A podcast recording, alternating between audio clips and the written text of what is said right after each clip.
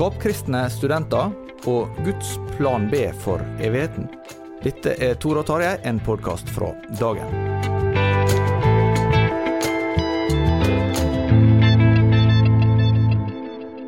Tarjei Gilje og jeg, Tore Hjalmar Sævik, eh, har lagt bak oss januar som alle andre. Og for deg, Tarjei, så har dette her eh, ikke vært noen grå og mørk måned.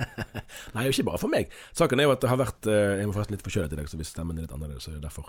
At det har vært mye som har skjedd i Kristen-Norge denne måneden. Det er kanskje litt sånn taktisk lurt å legge generalforsamlinger og andre møter til den, en tid på året der det, man ikke konkurrerer med så mye, og der det gjerne ikke er Det er ikke akkurat sånn at man er ute og soler seg. Sånn at uh, det passer bra å være inne på, på møter. Uh, og det er det flere som har benyttet seg av. Ja. Jeg vil bare skyte inn innledningsvis, eh, noe som ikke har med saka å gjøre, men bare for å vise at vi lytter til våre lyttere. Ja. og det er et en ørlite smakebit fra dagens leserundersøkelse som eh, vi gjennomførte nå i høst. Det er jo til internt bruk for å lære hva våre lyttere og lesere, først og fremst lesere, eh, syns om det vi produserer. Eh, og da var det en som skrev om Tore og Tarjei at Tarjei snakker for fort, og han andre snakker for seint.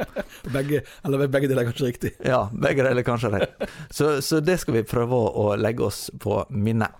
Jeg får Nei, gjøre et ærlig forsøk. Ja. Eh, men du har altså vært ute og reist. Du har vært i Trondheim på studentforum som eh, laget arrangerte. Eh, altså Norges kristelige student- og skoleungdomslag. Mm. Så har du vært i Stavanger på Impuls, og så har du vært på Nordmisjonen sin MER-konferanse. Og du har også vært på For oss-konferansen ja, så var du jo led i pinsebevegelsen. Led i pinsebevegelsen. Så, så er det jo veldig mye som har skjedd. Noe av det er jo blitt reflektert i episodene vi har laga. Mm, ja. Men en ting som vi ikke har snakka så mye om, det er det jeg nevnte med eh, Studentforum i mm. Trondheim. For laget har jo for rundt fem år siden, ja, fem år siden. Eh, eh, gjennomført en undersøkelse blant kristne studenter om deres eh, hverdag og holdninger og livsopplevelser, livsopplevelse, som de nå har repetert. Mm. Og den undersøkelsen har jo vært vist en del til, også her, tror jeg. Mm. Eh, men nå har det kommet litt nye tall, og de har ikke vi snakka om. Det og det synes vi at dette er jo faktisk såpass viktig og interessant at vi bør reflektere litt rundt det. Absolutt. Hva er det du sitter igjen med som de mest interessante funnene? Altså det, det, funnet som vakte mest oppmerksomhet sist gang, i 2019, var ganske klart det spørsmålet som ble stilt om mener du at eh, kristne studenter lever med troen sin i skapet, tror jeg var formuleringen.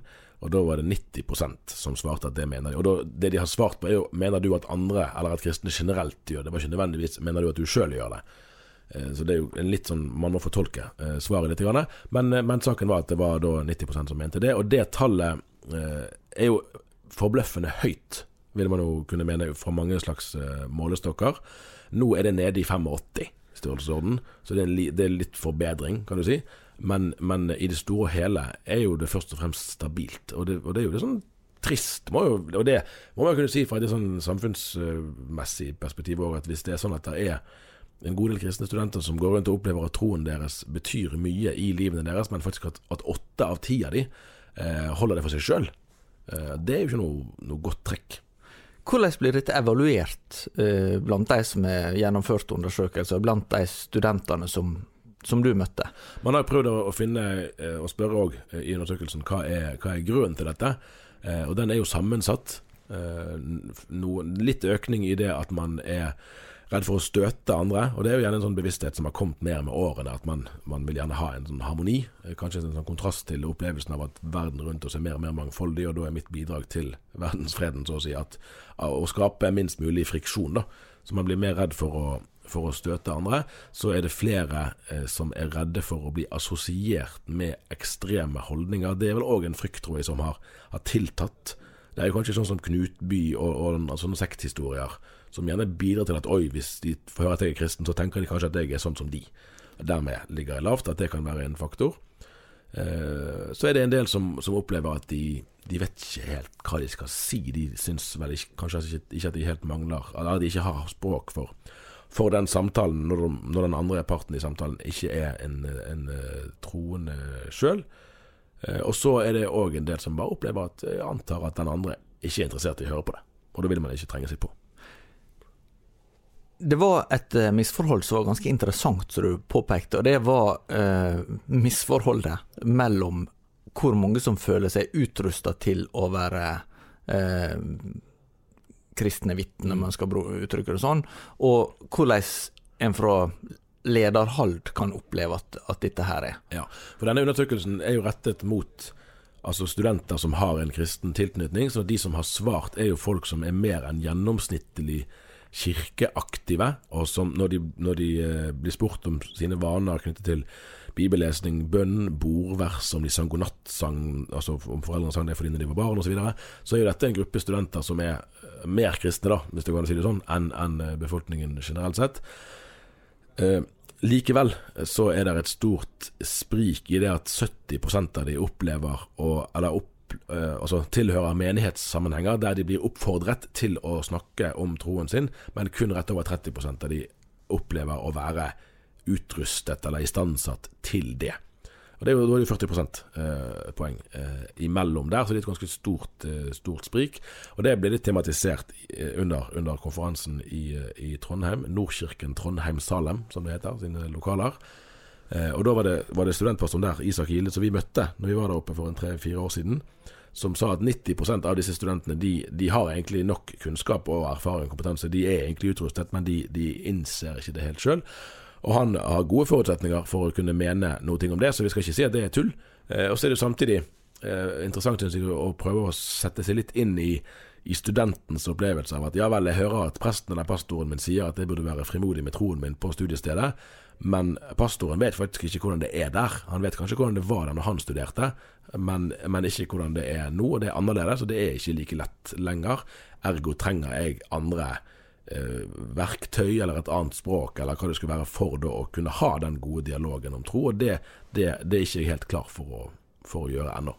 Men får du noe inntrykk av hva de opplever å mangle? Jeg, jeg tenker av og til på et utsagn som en, en, eh, kollega av oss har brukt noen ganger om utfordringer som egentlig alt fra eh, vanlige kristne til eh, generalsekretærer og biskoper og hva det skal være, har i møte med sekulære eh, mennesker, eller kirkefremmede mennesker, det at en savner et rom å invitere inn i.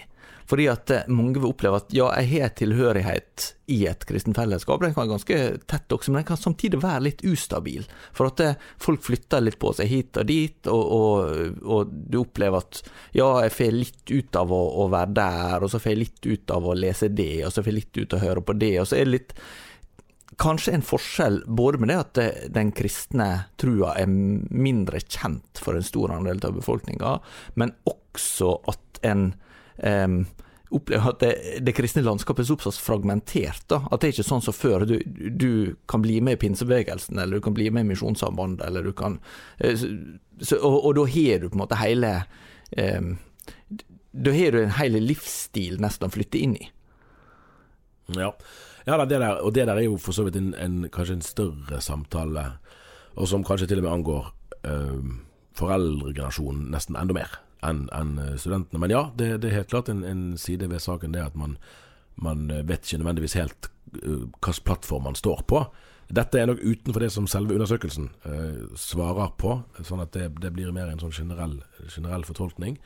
Men, men ja, det var litt, på en måte litt smertefullt nesten å se det, det som jeg nevnte, tall spriker mellom 70% og 30% altså de som som får beskjed om å, om å, gå ut, så å si, eh, og, og, og, som ikke nødvendigvis mener at de er, at de er i stand til det. Der, der, vi skal ikke overdrive forskjellen mellom det å være student i 2024 og i 1974 eller 84, eller hva det skal være. Men, men, vi må ta på alvor samtidig at vi lever i et samfunn der, der det kristne hegemoniet er vesentlig svakere, og der man må regne med en annen type respons enn det foreldre- og besteforeldregenerasjonen til dagens studenter gjorde. Og det, det må vi virkelig ta på alvor. Eh, det, det er veldig altså, umodent og usympatisk hvis liksom eh, åndelige ledere bare sier 'nå må dere skjerpe dere og være frimodige'. Kom igjen, reis dere opp. Kjør på. Hva blir gjort i forlengelsen av dette? Hva tiltak, hva refleksjoner? Hva det er jeg veldig spent på, for det er, jo, det er jo ikke gitt. Altså Man kan jo bare ta imot forskning og si ja vel, dette var interessant. Eh, vi får håpe svarene blir bedre neste gang. Men her det jo, må det være opp til, til både menigheter og til laget sjøl og og andre organisasjoner og, og se ok, dette er, dette er funnet, dette må vi, må vi, prøve å ta på alvor. Et annet funn i undersøkelsen som jeg håper å få undersøkt litt nærmere, er jo òg at, eh, at en god del av studentene opplever eh, altså nedsettende kommentarer da, om både tro og om religiøse mennesker fra f.eks. For forelesere. Og Det er klart at det, det setter jo en tone. Hva er det greit å gjøre narr av i plenum på en offentlig eh, skole? Det forteller jo et eller annet om, om kulturen, og, og, for de da kanskje 22 år gamle studenter som kommer fra et eller annet sted og, og hører dette eller ser dette, så blir jo det sånn OK, det er dette, jeg, det, dette er det vanlige. Ja vel, da, da, må jeg innrette meg etter det på et eller annet vis.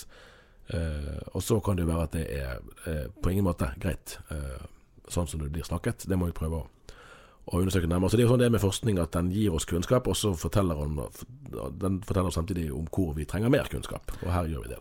Men hvem er det disse tallene egentlig vil være særlig interessante for, sånn som du ser det? I aller første rekke er det jo laget som har bestilt de, og, og for deres virksomhet er jo dette midt i kjernen. Men dette er, jo, dette er jo direkte interessant for alle menigheter som på en eller annen måte har eller ønsker å ha studenter, eller i den aldersgruppen, folk i den aldersgruppen, i sitt, i sitt arbeid. Det vil vel de fleste? Nettopp. Så dermed er det alle. Eh, men så er det òg interessant, nemlig på et litt sånn større nivå, og det er jo at studenter er jo kanskje blant de aldersgruppene i befolkningen som først fanger opp eh, skifter i eh, tidsånden, da, om du kan si det sånn. Eh, hva er det greit å tulle med, hva er det som er blitt ømmet her, hvilke ord er det vi ikke skal bruke lenger. Sånne skifter som skjer hele tiden. Jeg blir jo gjerne tidlig fanget opp der. Sant? I det at de er i kontakt med kunnskap, med forskning, det skal hele tiden være utvikling.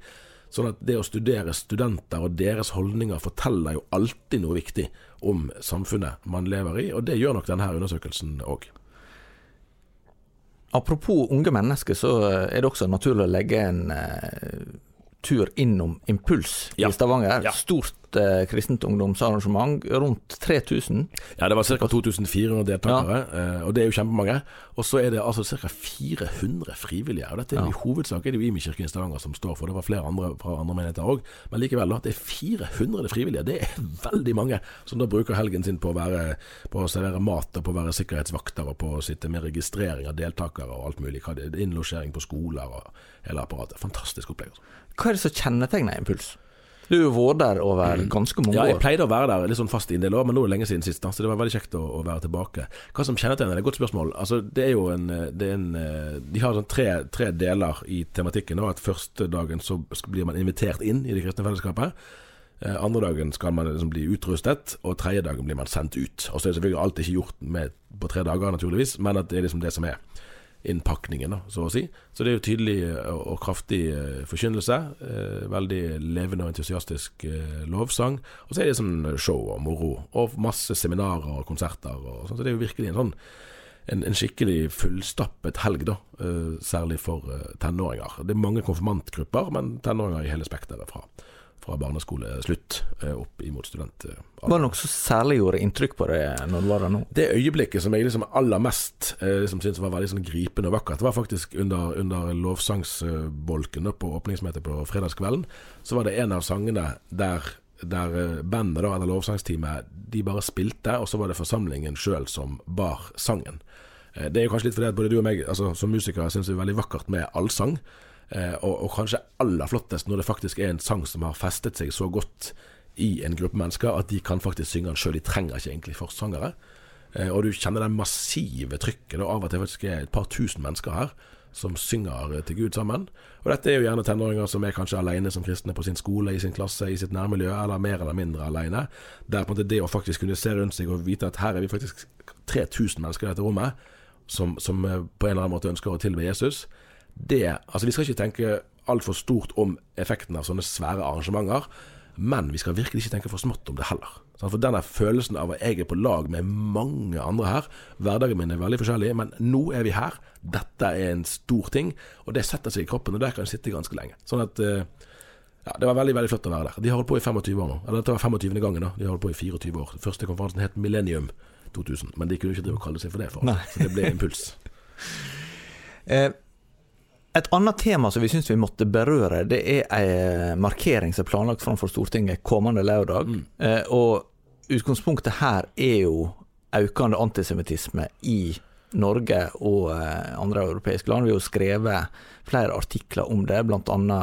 et ektepar som uh, forholdsvis unge jøder, som fortalte om det at de ikke lenger uh, våga å snakke hebraisk i lag Mm, på, mm, yeah. på butikken. Og, Og ikke og, med kippa, sant? Ja. Ikke bruke davidsstjerne. Ja. eh, og vi ser jo også det med eh, politibevoktning av eh, jødiske institusjoner i Europa, og eh, mye diskusjon også i, i Nord-Amerika knytt til eh, Israel-kritikk som glir over i det eh, mange jøder vil oppleve som eh, antisemittisme. Ja. Eh, av eh, Ja.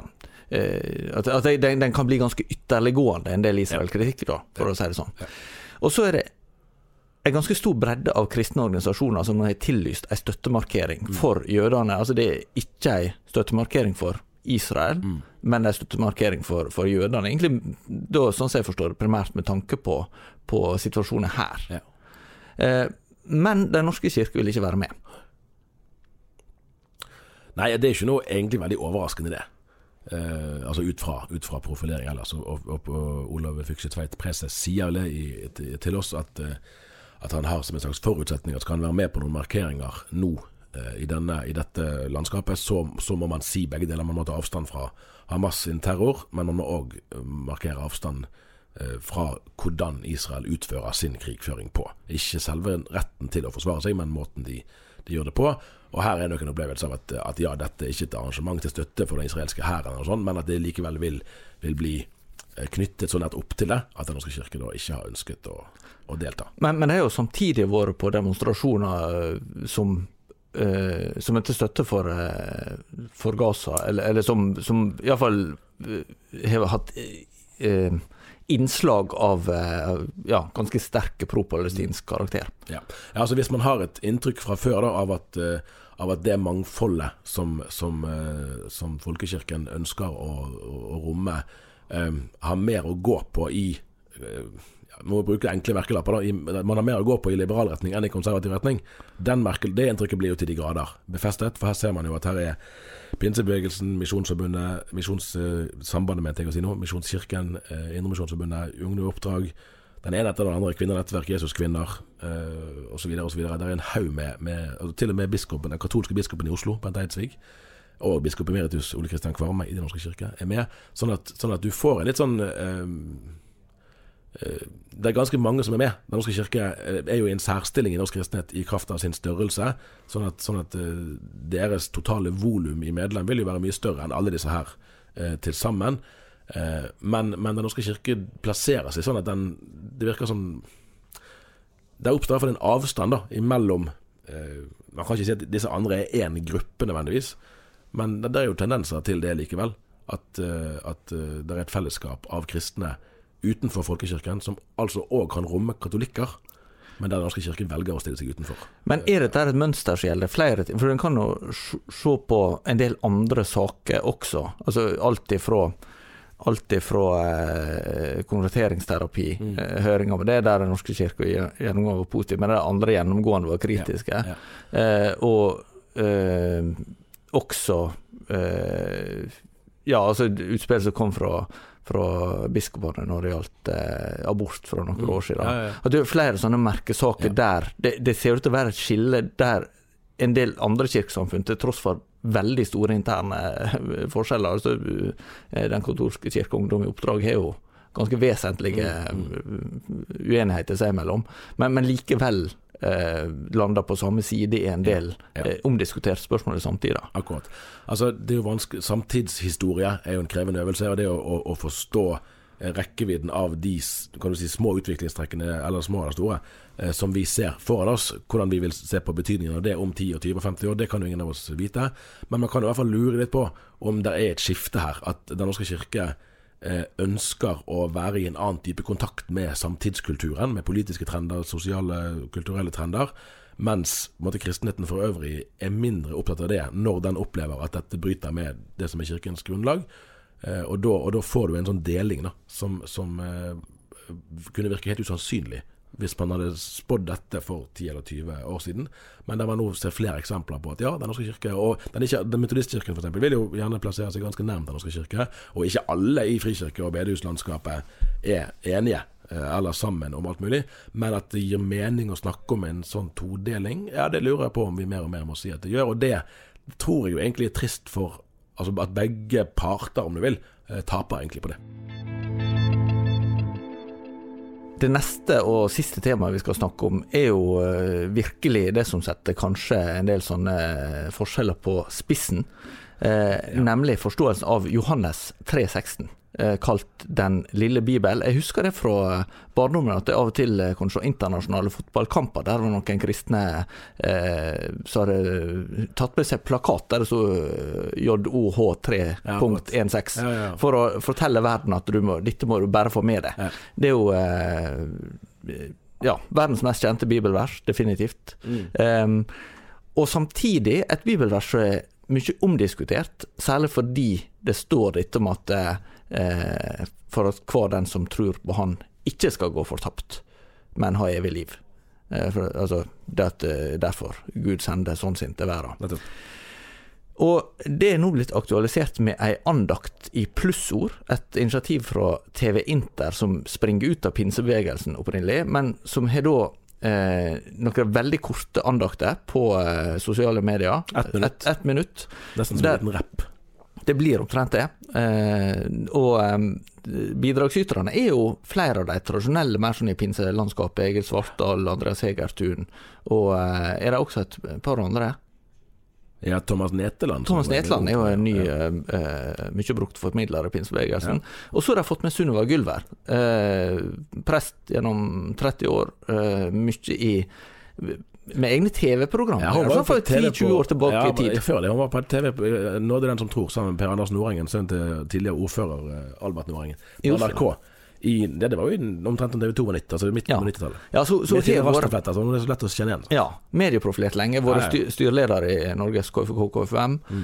Eh, og holder på med et doktorgradsprosjekt ja. tror jeg, på, på MF. Og så er hun sogneprest i Fagerborg menighet i permisjon ja. i forbindelse med forskningen. Så hun har ikke ønska å engasjere seg i debatten som nå har oppstått, for det hun sier, av disse plussordene, er at eh, hun syns Gud bør ha en plan B for de som ikke ja. tror. Ja, det er riktig. Og her er hun også ganske personlig, for hun er enke og var gift med en ateist. Eh, og, og eh, at dette her er jo et spørsmål som særlig i møte med de næreste blir veldig utfordrende. Det, det, må det jo være. Altså det Blir ikke dette ja, utfordrende, ja, da tar man det ikke på alvor. Nei. Eh, så, sånn at Og dette her er jo et eh, husker en eh, en biskop for mange år siden som brukte formuleringa 'den hardeste lære i Guds ord' ja. om fortapelsen. Ja.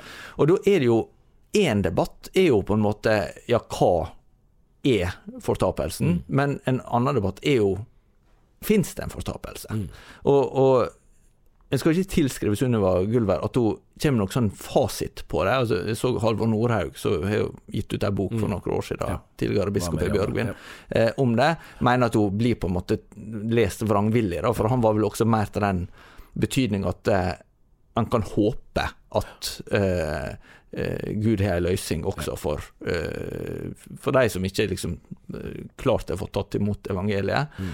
Um, men så vil en jo gjerne motsatt. Dette er jo noe som er nedfelt i kirka sin bekjennelsesskrift. og det er ganske tydelige, sterke bibelord, særlig fra Jesus sjøl, som gjør at um, dette er veldig vanskelig å, å komme forbi. At, ja. at, uh, at der er en der er et enten-eller. Der er et uh, der er ikke bare en, nei, en evighet hos Gud, også en evighet borte fra Gud. Men, men hvordan um, opplever du at, at dette blir tatt imot og forstått? Jeg lurer på om det, om det helt grunnleggende er kanskje viktig å forstå at, um, at responsen er preget av at, apropos forrige, forrige ting, altså forrige emne vi snakket om, at uh, vi lever i en tid der, der kirkeledere og i Norske kirke uh, virker å være ikke så veldig villige til å betone tydelig det som er ganske sentrale kristne uh, trosstandpunkter. Uh, og at når man da får enda sånn opplevelse Jeg har enda en prest som sår tvil om kirkens lærer, som driver med sånn privat uh, teologi. Uh, at da, da, blir reaksjonene sterke. Jeg tok, tok skjermbildet nemlig av altså Denne saken kom ut på Facebook-siden til dagen mandag ettermiddag. Og etter 26 minutter så var det kommet 40 kommentarer, og det er ganske mye i denne sammenhengen. Nå ser jeg at det er oppe i en 400 kommentarer. hvis jeg ser rett her på Facebook-siden vår. Og Det, det vitner om et ganske stort engasjement. At dette treffer noe, og det treffer veldig umiddelbart. Og det kan være ganske harde ord tilbake mot henne. Det er ikke nødvendigvis veldig kristelig eh, å, å måtte snakke på den måten. Og, og, igjen, som du var innom, hennes, hennes personlige inngang til dette eh, den skal vi virkelig være forsiktige med å, å drive og blande oss borti eller liksom, å mene så mye om. Og det er nok ganske mange andre foreldre, søsken, eh, barn som kan kjenne seg igjen i den siden der. At jeg håper virkelig at det er et eller annet som, som sparer mine kjære fra lidelse. Eh, det går an å forstå det, og det er på ingen måte hun er på ingen måte den første, og garantert ikke den siste heller, som tenker i de baner. Eh, og så er det, det er noe jeg syns er litt sånn på en måte litt frigjørende i at hun tør å si 'jeg mener at Gud bør ha en plan B'. Det kan jo virke litt sånn over, i overkant freidig å drive og mene noe om hva Gud eh, skulle og ikke skulle gjøre. Det kan du si. Men samtidig så, så tror jeg nesten en større fare at, uh, at mennesker legger lokk på de tankene som finnes i ens indre, enn at man kan være noe uærbødig. For, for ærlig talt, selv de frommeste mennesker blir jo uærbødige overfor Gud. Der har vi lite å fare med, sånn at våre tanker blir mennesketanker uh, uansett. Uh, men om man bør bruke en sånn andaktsformat til å, å, sette ord på sånne her mer private betraktninger, det er vel ikke like opplagt, for å si det forsiktig. Jeg har også et inntrykk av at når det gjelder forståelse av fortapelse, så er, jo, er, det jo fort gjort at den blir prega av en del karikaturer. Altså jeg husker ja. fra um, faktisk den boka som Dag Kullerud skrev om um, om dagen i forbindelse med at avisa fylte 100 år, så var det vist et eksempel med liksom den Eh, framandgjøringa som en del kristne allerede da i, i mellomkrigstida kunne oppleve. Da Dagbladet skrev om eh, et eller annet kristent miljø på, på Vestlandet at de var helvetestilbedere.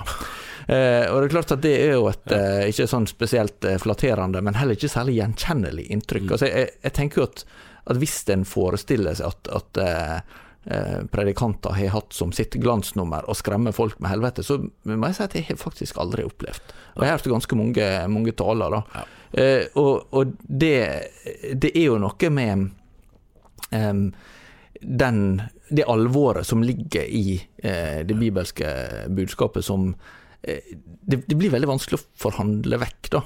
Eh, og, og, det er jo kanskje noe av det som er utfordringa i, i vår sammenheng. Men så har vi jo ei sånn litt delvis etter allmennmenneske, men i norsk sammenheng så, så kommer vi liksom ikke vekk fra at dette her har vært en sånn her eh, i etterkrigstida knyttet til Ole Hallesby sin tale i Storsalen som ble sendt på radio i 1953 og sånn, så skapte det veldig sånn eh, uro og friksjon og, og, polarisering rundt hele temaet. Ja. Eh, og, og, og, den har jo vart ved, og samtidig så tenkte på det da tidligere biskop i Sør-Hålogaland, Torbjørn Tor B. Jørgensen, har misjonærbakgrunn, mm. det eh, gikk ut for eh, noen år siden nå og bare ja, ganske åpent at, han, at han, han avlyser mm. trua mm. på en evig fortapelse. Så, så vakte det jo ikke sånn veldig oppsikt lenger. Altså Det, det har ikke samme sprengkrafta i seg. da. Nei, det kan jeg være trygt si. Og det er jo litt sånn tankevekkende at den talen til Hallesby nå er over 70 år siden. Så det er jo ganske få av de som lever i dag, som, ja, ja. som overhodet kan huske det. Men den er blitt en sånn nesten en sånn unnskyldning for å ikke trenge å Unnskyld. en unnskyldning for ikke trenge å, å, snakke om dette, eller å ta tematikken på alvor. Det er ikke noe Det kan ikke si noe, noe sunnhetstegn. Men jeg husker jeg intervjuet eh, biskop Per Lønning eh, etter at han var gått av. da Og han var jo regnet som kanskje den, eller i hvert fall en av de aller skarpeste teologene som har vært biskop i, på lang tid. Eh, og han rørte den tematikken her og sa det som at ja, men Gud blir jo stående igjen som den store taperen hvis det bare er liksom den lille hvite flokk som blir frelst, og at resten går fortapt. Da vil det være mange flere som går fortapt enn som blir frelst. Hva slags evighet er det?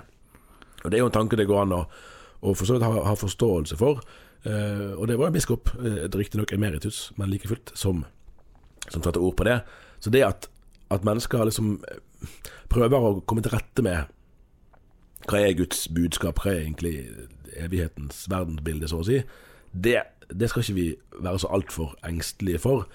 Men naturligvis eh, så er ikke kristen teologi ikke et privat foretakende. Eh, og, og, mange mennesker kan ha ulike historier eh, som fører de til et eller annet i møte med i gudsrelasjonen, men, eh, men en prest som skal forkynne evangeliet, står ansvarlig for trosbekjennelsen, for bekjennelsesskriften osv. Det er ikke ens egen eh, ja, filosofi eller tenkning man, man står der på vegne av. Siste ord er neppe sagt i den uh, saka, men det var siste ord for i dag. ja. Nå skal jeg hoste litt mer. Ja, det, Jeg tror ikke du har stemme til å holde fram denne, dette opptaket stort lenger. Men vi eh, satser på at du er kommet til neste uke. Det går vi for. Og så høres vi igjen da. Takk for.